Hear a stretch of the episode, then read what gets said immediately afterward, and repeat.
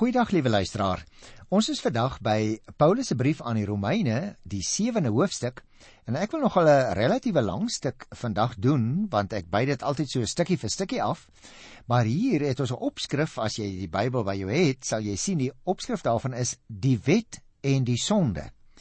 Nou eh, ek wil 'n uh, bietjie met jou eers in die algemeen daaroor gesels voordat ek die teksgedeelte in meer detail behandel want dit is 'n baie belangrike onderwerp en ek dink partykeer is daar ook so 'n bietjie verwarring oor wat is nou die verband tussen die wet en die sonde. Nou moet ons dadelik onthou in die hele voorafgaande gedeelte het Paulus baie negatief oor die wet gepraat. Dit sou mense die indruk kon laat dat Paulus nou nie veel gevoel het vir die wet nie, as ek dit so mag uitdruk. En dit sou natuurlik by die gelowiges eh, daar in Rome aan wie hy die brief skrywe en ook by ons die indruk kon skep dat die wet sonde is. En dis natuurlik die bedoeling nie. Want jy sien hierdie paragraaf wy die apostel nou daaraan om aan te toon wat die verhouding tussen die wet en die sonde in jou en my as Christusgelowige se lewe behoort te wees.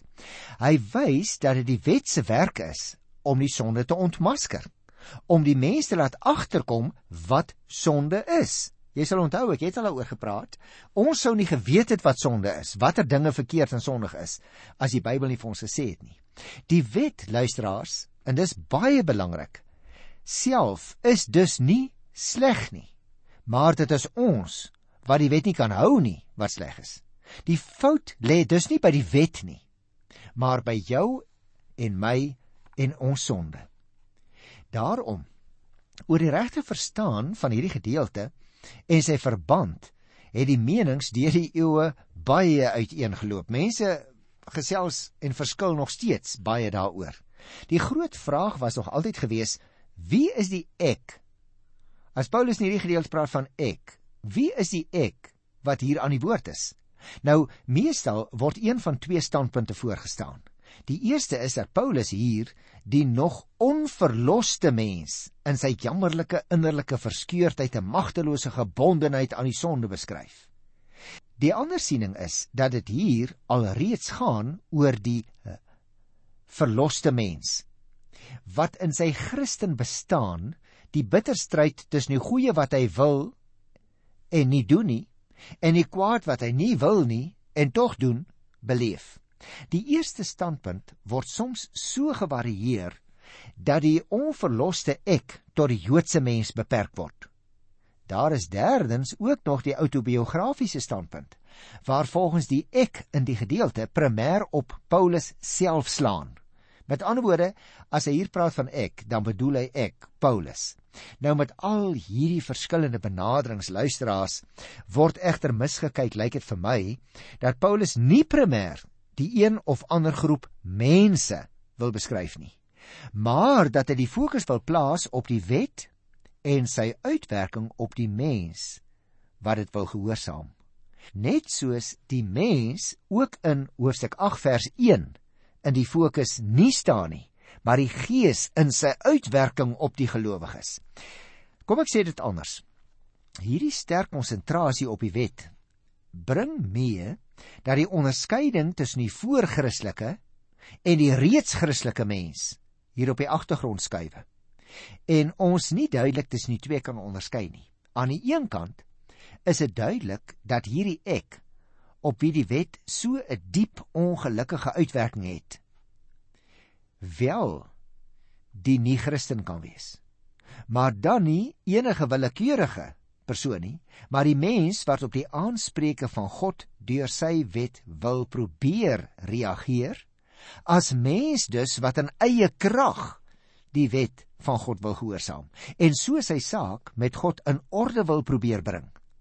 Wat nou hier gesê word, geld van die Jood, maar dit geld tog ook van elke mens wat in die eis van die wet van God se eie aansprake verneem en hom so met die begeerte tot gehoorsaamheid onder die wet stel.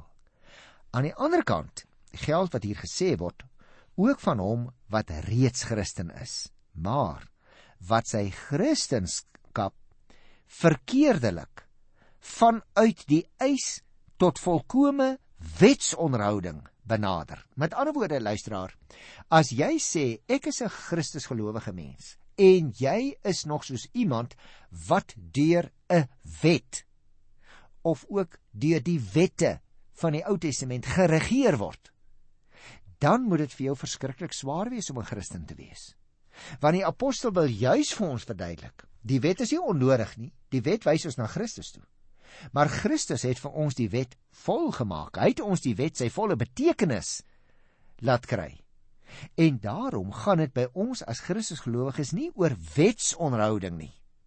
Maar ons leef uit die resultaat daarvan dat Christus die wet vir ons volgemaak het. Daarom dink ek is dit 'n belangrike gedeelte en wil ek nou dadelik begin met die teks. Ek lees hier by Romeine 7 uh en ek gaan eers net die eerste 12 verse doen. En uit daardie 12 verse is daar ook een of twee goed duidelik waarna ons kan oplet. Uh miskien moet ek dit net eers vir jou sê. 'n Mens kan die werk van die wet vergelyk met 'n kennisgewing op die strand dat swem verbode is vanweë die haie. Nou, gestel nou jy kom op 'n heerlike windstil sonskyn dag op die strand aan. Jy sit jou handdoek neer, gaan in die water en jy swem heerlik in die see. Maar met die uitkomslag sien jy eers die groot kennisgewing word dat swem vanweë die haie verbode is. Jou hele dag is bederf. Is dit nou die bordjie se skuld? Jy sal saamstem dat jy nie kwaad kan wees vir die mense wat die bord daar aangebring het nie. Die wet is soos hierdie kennisgewing word luisteraars. Dit is noodsaaklik en ons is dankbaar daarvoor. Maar dit raak nie van die haie in die wêreld ontslaan nie. Met ander woorde wat ek vir jou wil sê is die wet is deur die Here vir ons gegee om ons te beskerm van die verkeerde. Nou, na sy inleiding, en nou is ek hier by die hoofstuk waar hy nou gesê het ons as Christene is bevry van die wet, maar ons is diensbaar vir Christus, né? Dit is soos die bordjie op die strand. Ons moet nie goeie dinge doen om gered te word nie. Ons is klaar gered. Die bordjies van die wet in die Bybel wil vir ons waarsku teen die verkeerde dinge, maar wil ons ook aanbeveel om die goeie dinge te doen. Daarom kan ons nie die wet weggooi nie. In vers 7 vra die apostel nou baie duidelik: Wat is dan nou ons gevolgtrekking? Dat die wet van Moses sonde is? Beslis nie. Inteendeel, ek sou nie geweet het wat sonde is as dit nie deur die wet was nie. Ek sou byvoorbeeld nie geweet het dat dit sonde is om te begeer nie as die wet nie gesê het jy mag nie begeer nie. Jy sien dit is tog baie duidelik. Dis opvallend dat Paulus nou in die eerste persoon enkelvoud praat, ek. Die ek dui dus, soos ek net probeer verduidelik het, nie in die eerste plek of uitsluitlik net op Paulus nie. Alhoewel hy ook hierby ingesluit is. Die persoonlike trant wys op die mens se bestaansbetrokkenheid by hierdie situasie. Paulus het reeds voorheen 'n verband gelê tussen die wet en die sonde. Ek het daaroor gepraat by Hosea 4 vers 15 en ook by Hosea 5 vers 20. Nêrens het hy dit egter byna so skokkend wil ek amper sê, so skokkend direk gedoen as hier in vers 5 nie. Dit bring van self die vraag mee wat vir al die Joodse gemoed lasterlik sou belewe of Paulus nie nou beweer dat die wet van Moses op sigself sonde is nie. En daarom ontken hy dit nou in duidelike taal. Hy sê nee, hoe is dit nou moontlik dat iemand kan dink die wet is sonde nie? Maar die wet is tog wel goed in die sin dit wys vir ons wat sonde is, sê die apostel. Luister ook na vers 8. Deur hierdie gebod het die sonde 'n vasstra plek gekry en elke soort begeerte in my aan die gang gesit. Want sonder die wet is die sonde dood. Jy sien hy sê op grond van hierdie bewusmakende werking van die gebod het die sonde nou 'n vastra plek of 'n wegspringplek in die mense kry en begeertes van allerlei aard in hom aan die gang gesit sê die apostel. Hy sê sonder die wet is die sonde dood. Dan is dit aktief en in die sin dat dit juis eersgenoemde is wat die sonde aktiveer. Hy sê luister, as die wet nou nie vir julle gesê het wat is sonde nie, dan sou julle daaroor bekommerd gewees het nie. Maar nou dat julle weet wat die dinge is wat God nie wil hê julle moet doen nie. Nou het die wet 'n baie goeie funksie. Want nou sê die wet vir julle wat God se begeerte is. Dat sy begeerte is Julle moet sekere dinge nie doen nie. Julle moenie daar swem waar die haie is nie. Julle moenie daar waar daar allerlei gevare is loop nie. Dit is waarteen die wet ons dus waarsku, sê die apostel. Vers 9. Voorheen, toe die wet nie daar was nie, het ek gelewe, maar toe die gebod gekom het, het die sonde begin lewe. Met ander woorde, hy sê vir hulle na die proefgebod aan Adam, daar in Genesis 2 vers 17 wat hulle nie mag eet nie, né? Wat is gelyksoortige uitwerkingspatroon vertoon het as die wet van Moses waarna so pas verwys is. Hy sê die gebod het die ontwaking van begeerte, die ontwaking van sonde uh tot gevolg gehad. Daarna as Adam en Eva geweet het, die Here het gesê julle mag alles eet, maar van daai boom mag julle eet nie. Dan het hulle geweet hulle begin pla, want hulle het mos nou geweet die Here het daai reël neergelê. So sê Paulus was dit nou met hom as Jood, nadat die 10 gebooie gegee is, het hy nou geweet sekere dinge mag hy nie doen nie en ander dinge moet hy doen. Hy sê en dit was wat eintlik die bewustheid, die bewusmaking as jy wil luisteraar, dat jy moet oppas vir sekere dinge. Die wet het daardie bewusmaking by my wakker gemaak. Anders sou ek nie geweet het dat dit sonde is nie. Nou hierso in die 9de vers sê hy voorheen toe die wet nie daar was nie, het ek gelewe maar toe die gebod gekom het, het die sonde begin lewe. Nou vers 10 en ek het gesterwe. Dit het gebleik dat die gebod wat bedoel was om vir my die lewe te bring, vir my die dood beteken. Hy sê waar die mense juis op grond van gehoorsaming van die gebod die volle en blywende lewe, die ewige lewe sou kon ontvang het, blyk dit nou dat dit vir hom die dood beteken. Want hoekom? Die mense het hom nie gestuur aan die wet nie. Luister vers 11 en 12. Die sonde wat deur die gebod 'n vasdra plek gekry het, het my deur die gebod mislei en my doodgemaak. Die wet is dus heilig en sy voorskrifte is heilig en reg en goed. Liewe luisteraar, jy sal natuurlik net so goed soos ek weet hoe aanloklik verbode vrugte is byvoorbeeld. Baie kere sal jy glad geen behoefte hê om iets te doen nie, totdat jy hoor dat mense daai betrokke ding nie mag doen nie. Dan skielik is dit presies wat jy juis graag wil doen. Dis asof die verbod, die wet, jou uitlok, jou na hom toe trek, jou as dit ware mislei om daai verkeerde ding wel te doen. En hierdie neiging by ons as mense maak egter nie die wet self sleg nie. Dit is heeltemal duidelik dat ons dat dit ons is wat sleg is. Die wet wil ons beskerm. Maar ons natuurlike geaardheid maak dat dit ons eerder uitlok as wat dit ons beskerm. In woorde wat is weer eens die sondeval in herinnering roep. Maar algemeen geldig is, vat Paulus dus in vers 11 vers 12 die voorafgaande wat hy gesê het saam. Sy bevinding is dat die wet en sy voorskrif as sodanig nie sondig is nie. Inteendeel, hy sê duidelik, die wet is heilig en reg en goed. Luister nou na vers 13. Beteken dit dat iets wat goed is vir my die dood bring? Beslis nie, antwoord hy. Inteendeel gaan hy voort.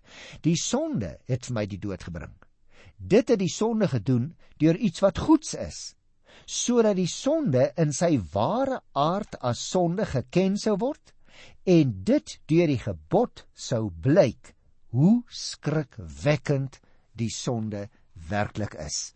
Jy sien, ook teen die vraag of die wet wat op sigself goed is, vir die mens dan 'n oorsaak van dood geword het, verdedig Paulus die wet baie sterk.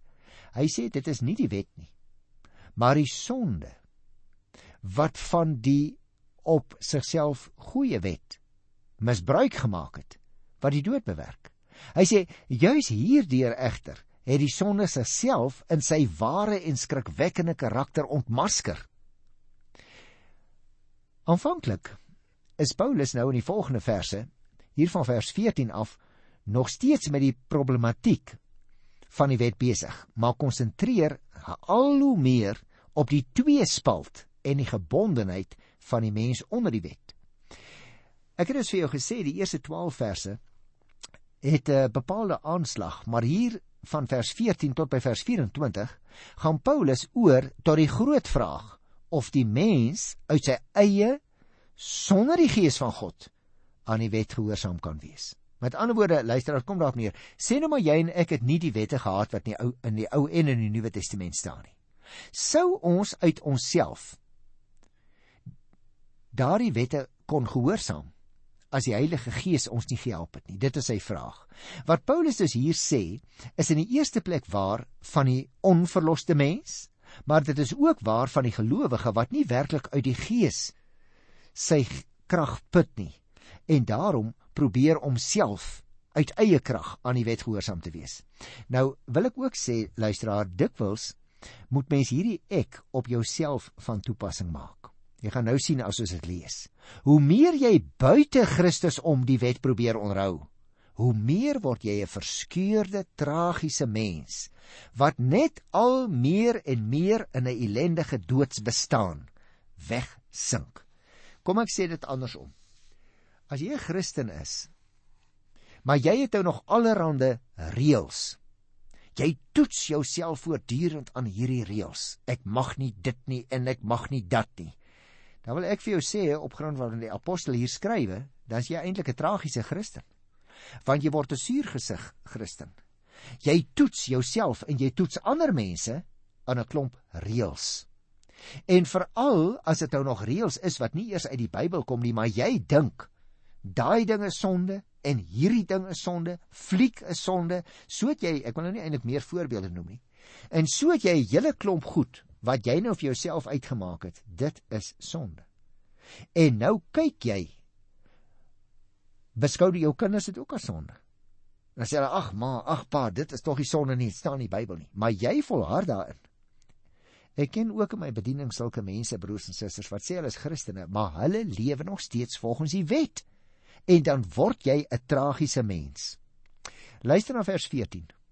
Ons weet tog die wet is geestelik maar ek is aards en soos 'n slaaf aan die sonde verkoop. Jy sien die beklemtoning dat die wet afkomstig is van en bepaal word deur die Gees met 'n hoofletter.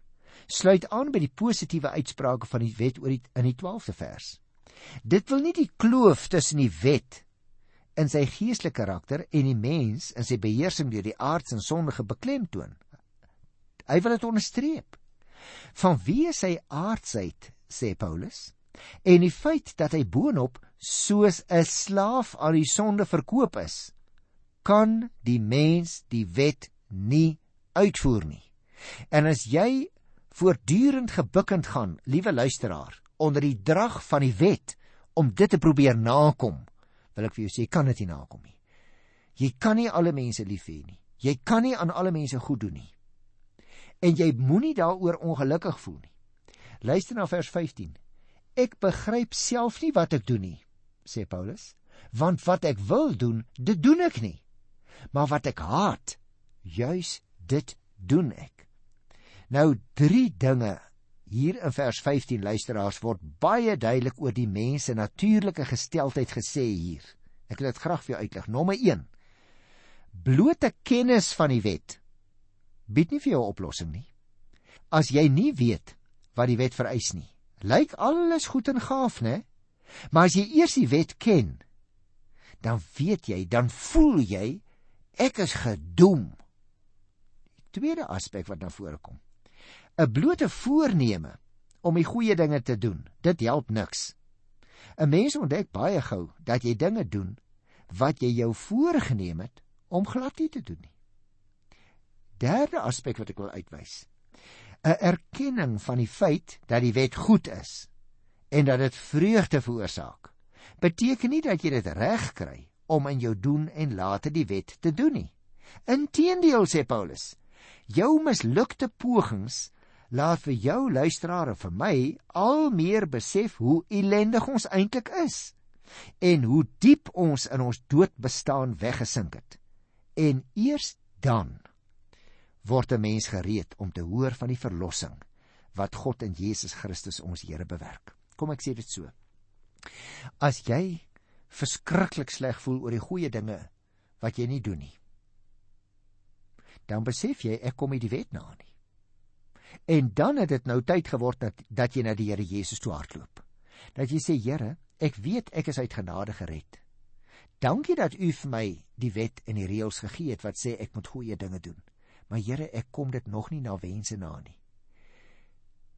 Help my asseblief.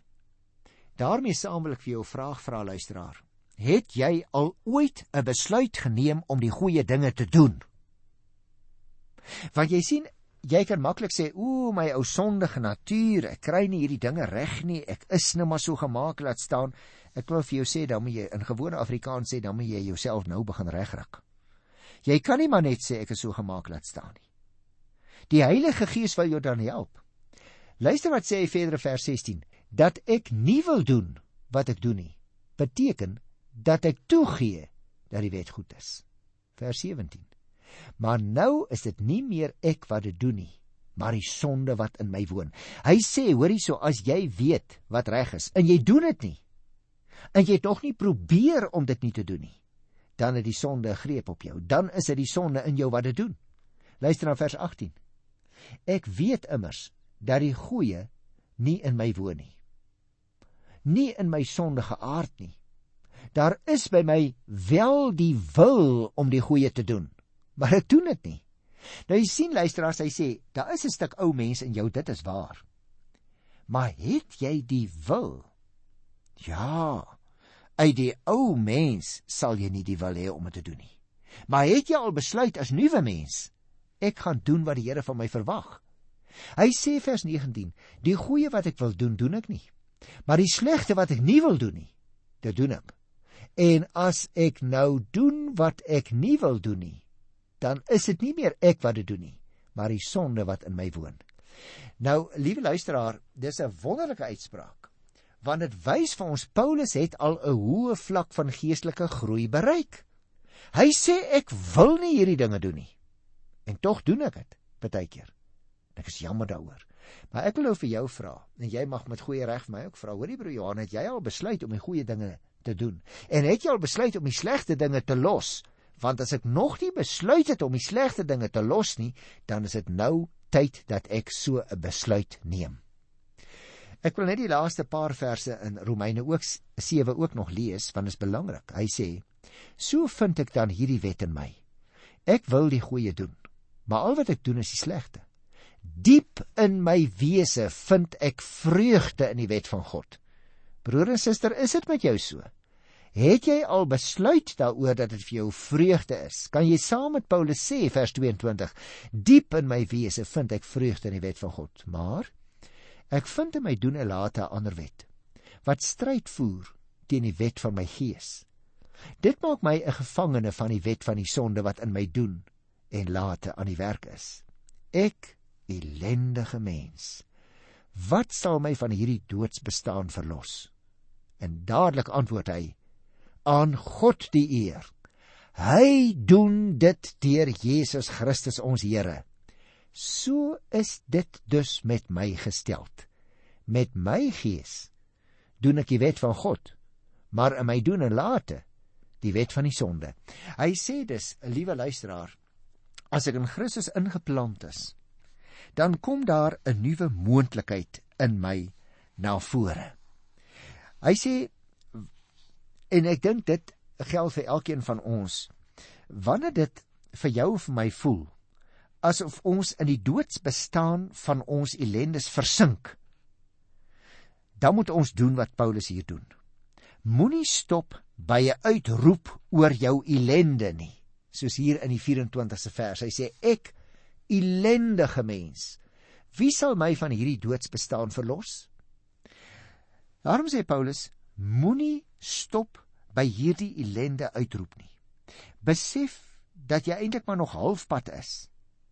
As jy besef hoe sleg jy is. Maar moenie nou ophou nie. Moenie nou in die sand gaan lê, jouself begrawe en sê ek is verlore nie. As jy nie daar gekom het nie, dan was jy nie gereed om die evangelie te ontvang en te verstaan en te omhels nie. Nou eers as ek besef, ek self kan my nie verlos nie. Ek kan my nie uit hierdie traagheid self uitkry nie.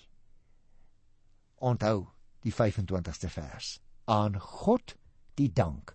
Hy doen dit deur Jesus Christus ons Here. Hy het my verlos en daarom gaan ek nou die nuwe lewe lei en die goeie dinge doen en die slegte dinge los. Ek besluit so. Nou bid ek en sê Here, gee my asseblief die krag om my besluit gestand te doen. Wonderlike wonderlike God wat my help deur sy gees. Totsiens.